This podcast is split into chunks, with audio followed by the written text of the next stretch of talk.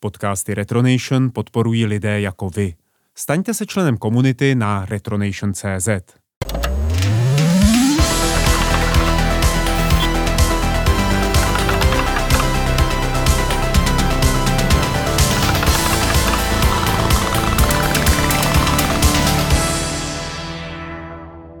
Čau, je tady další díl podcastu Retronoty.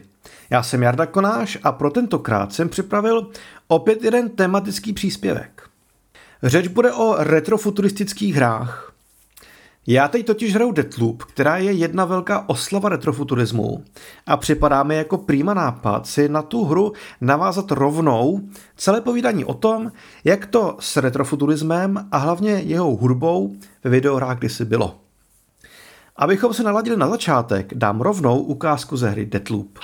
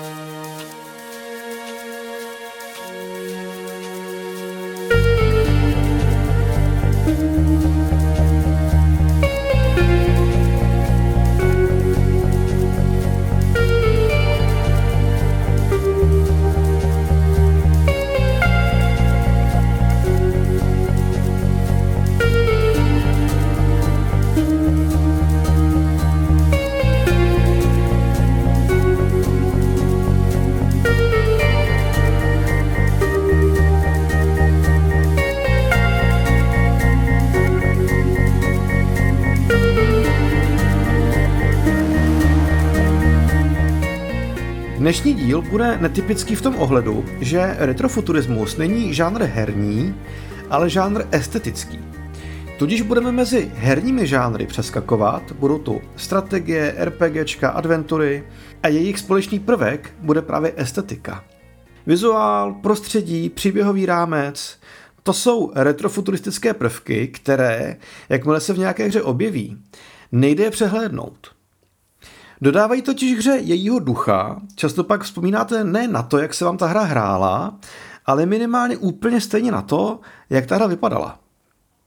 A taky samozřejmě, jak zněla.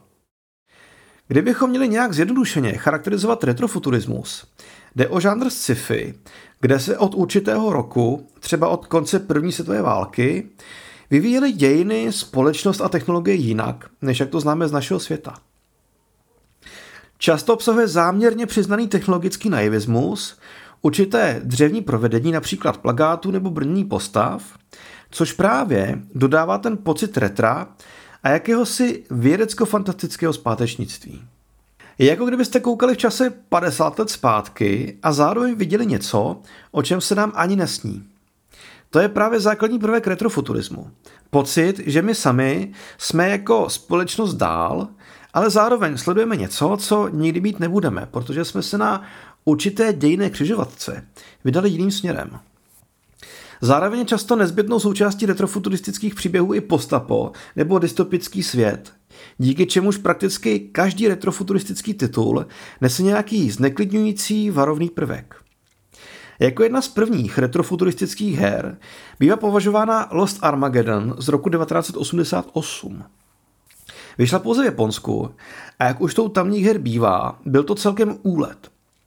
Z planety Země zmizel kyslík, takže lidstvo částečně vymřelo, částečně zmutovalo, mutanti válčí s roboty ovládnout planetou, do toho vlítne Adolf Hitler se svými tajně vyráběnými superlidmi, no zkrátka Maglajs. Šlo o RPGčko, které se ovládalo podobně jako Final Fantasy a do toho vám hrála tahle muzika.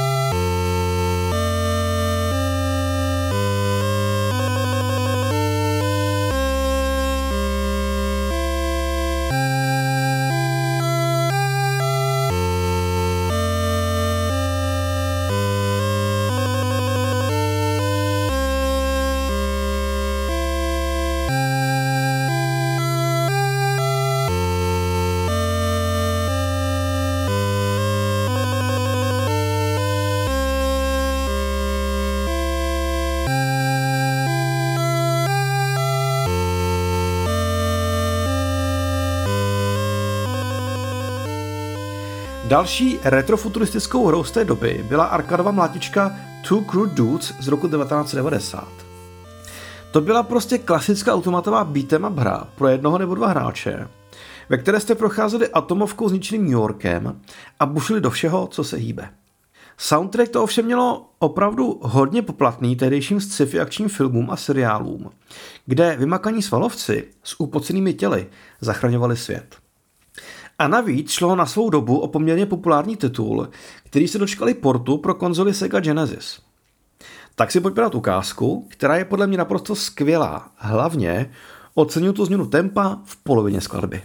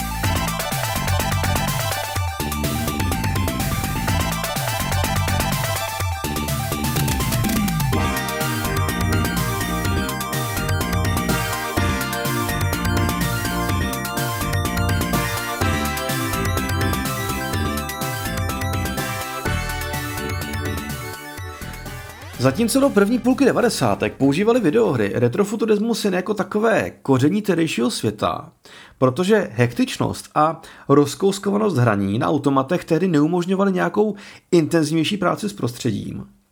S nástupem domácích počítačů a hlavně CD mechanik se situace začínala měnit.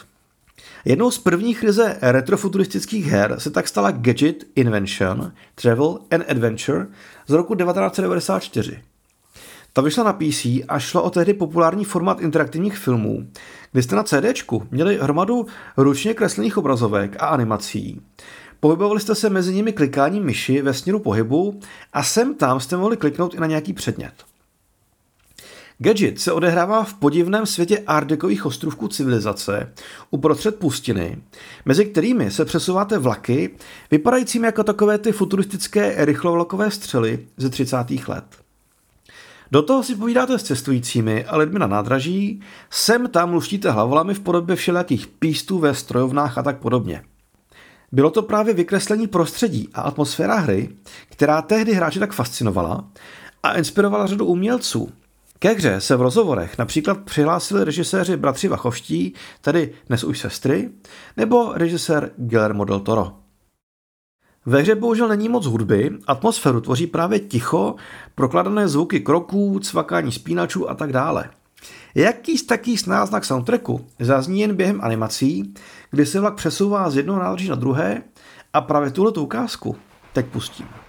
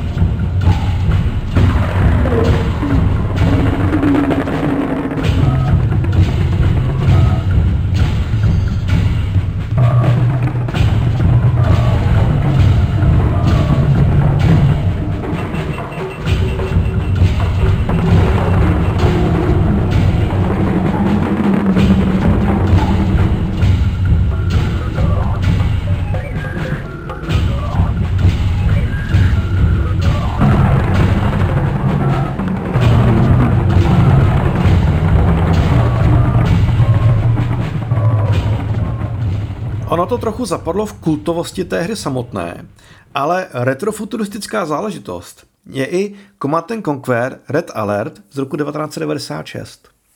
Protože jsme se této sérii už věnovali, tak dodám jenom pro přehled, že z hlediska žánru má bez pochyby jeden z nejtvrdších soundtracků vůbec. Složil ho starý známý Frank Lepacky a zněl následovně.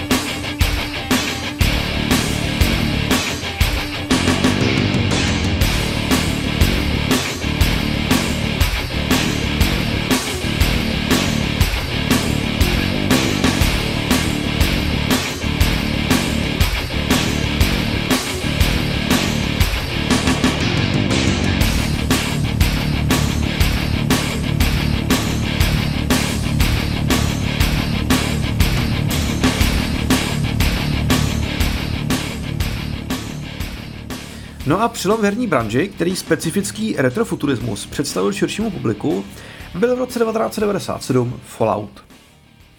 Říkat o této hře cokoliv vám, retronautům, by bylo asi nošení dříví do lesa, nicméně v rámci žánru jde skutečně o přelomovou věc, která nastavila úplně jiná měřítka práce se světem a jeho vizuální i zvukovou stránkou.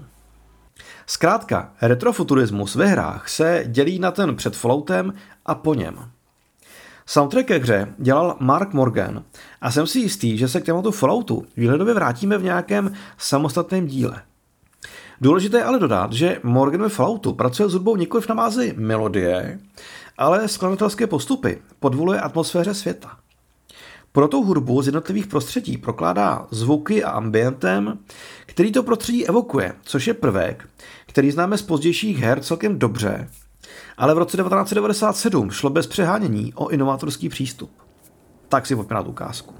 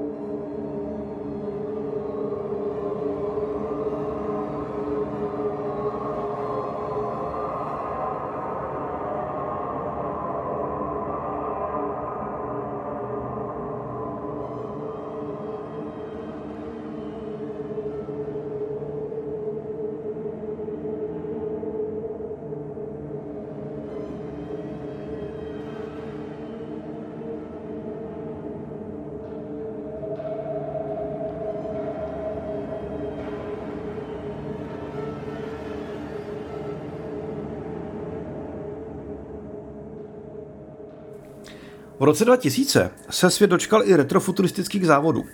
Jmenovali se Stunt Racer 64 a šlo o jakousi odpověď Nintendo na hru Wipeout konkurenčního PlayStationu. Hrálo se to dost podobně.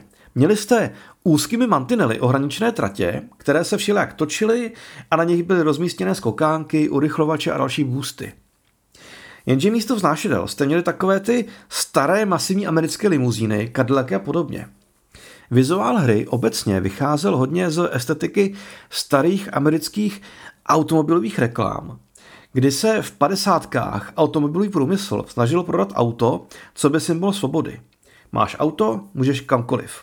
Pinabolky, benzínku prostřed pouště, dinery s burgery velkými tak, že zaplní pupík každého kamionáka. Přesně tuhle oldschoolovou estetiku Stunt Racer 64 přenesl do prostředí sci-fi závodů a výsledkem byla poměrně koukatelná hra, kterou ovšem doprovázel podle mě úplně šílený soundtrack od v branži prakticky neznámého Davida Hurda. Však pozujte sami.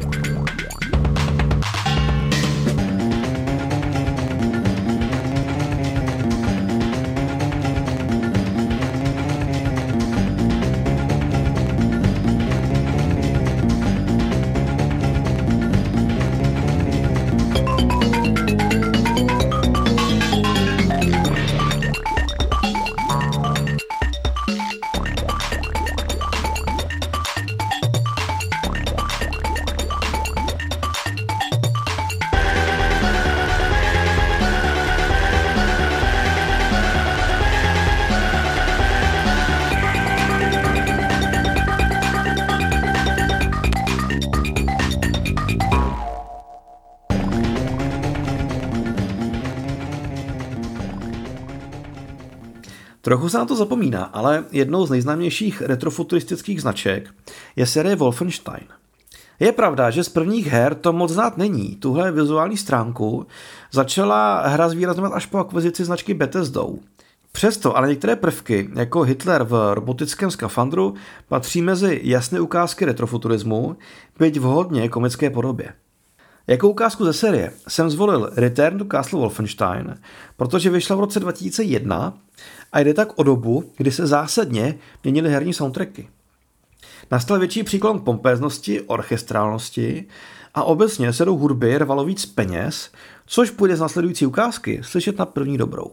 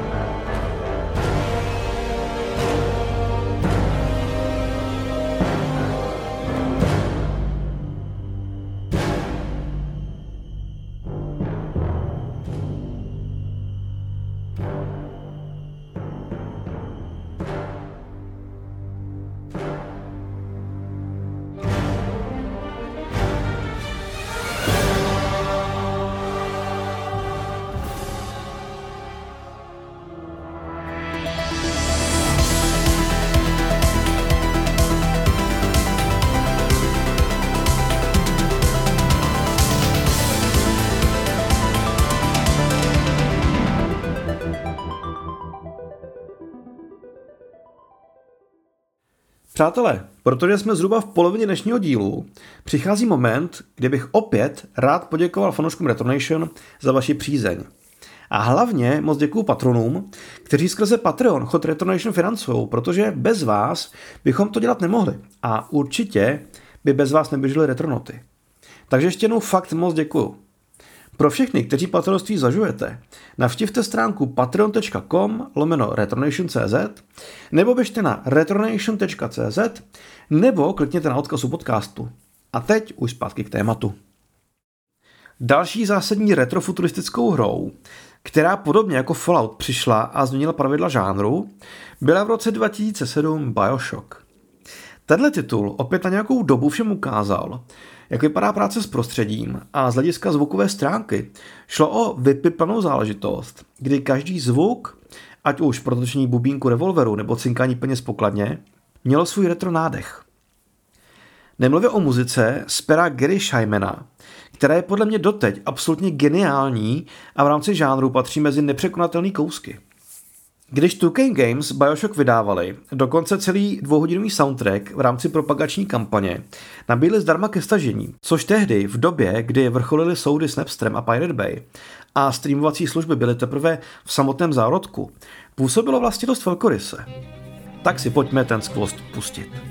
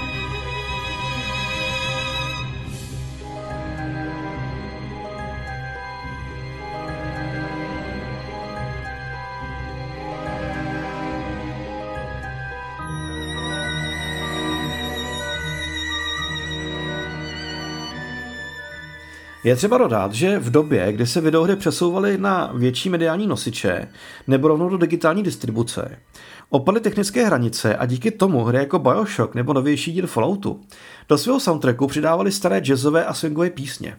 To je další věc, která začala definovat atmosféru retrofuturistických her. Hudbu, na kterou tančily naše babičky, by si jejich noučata nejspíš pustila jen a pouze ze zvědavosti. A tady ji najednou poslouchala úplně nová generace hráčů.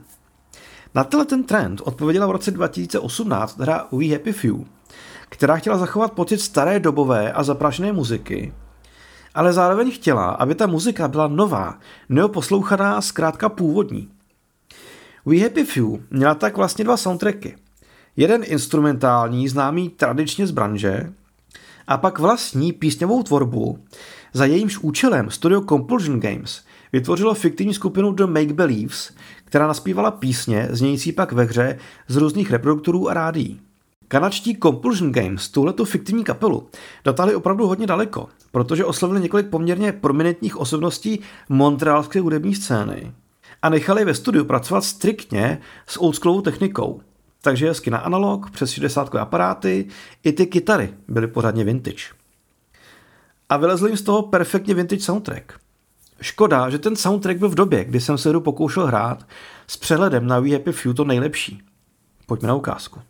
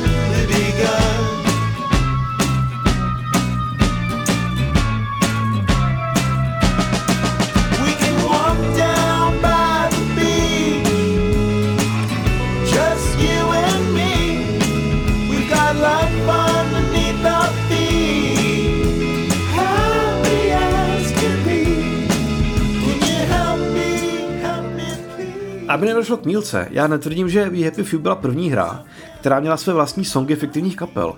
To bylo ve hrách už dávno, stačí si vzpomenout třeba na skupinu The Love Fist z GTA Vice City.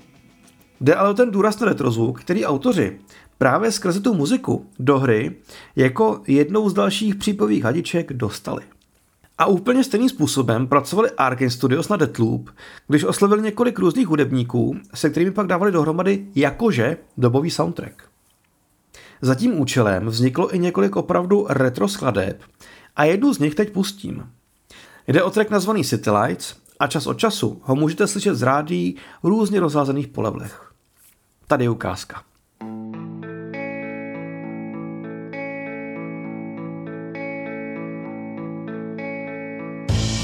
City lights so far away on a trip or a long holiday. Take a drive downtown without a care. Cause you're high, I wanna be there. I wanna be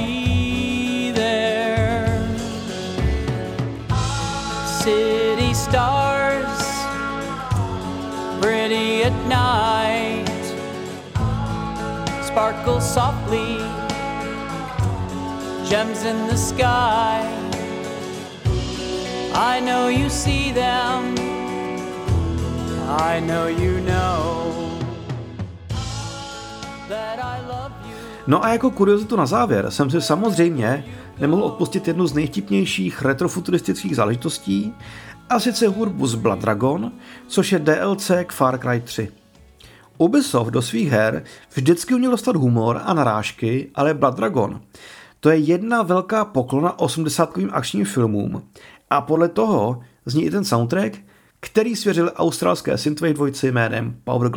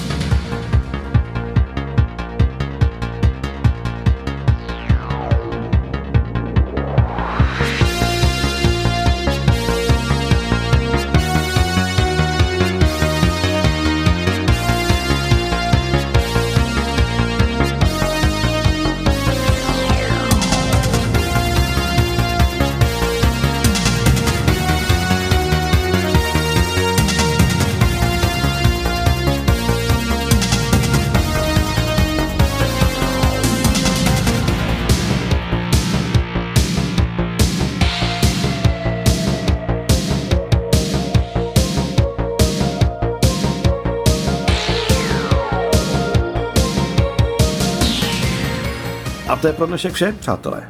Doufám, že jste si tuhle tu cestu a tratní historii užili. Koukejte na Retronation, poslouchejte naše podcasty a uslyšíme se příště. Mějte se. Čau, čau.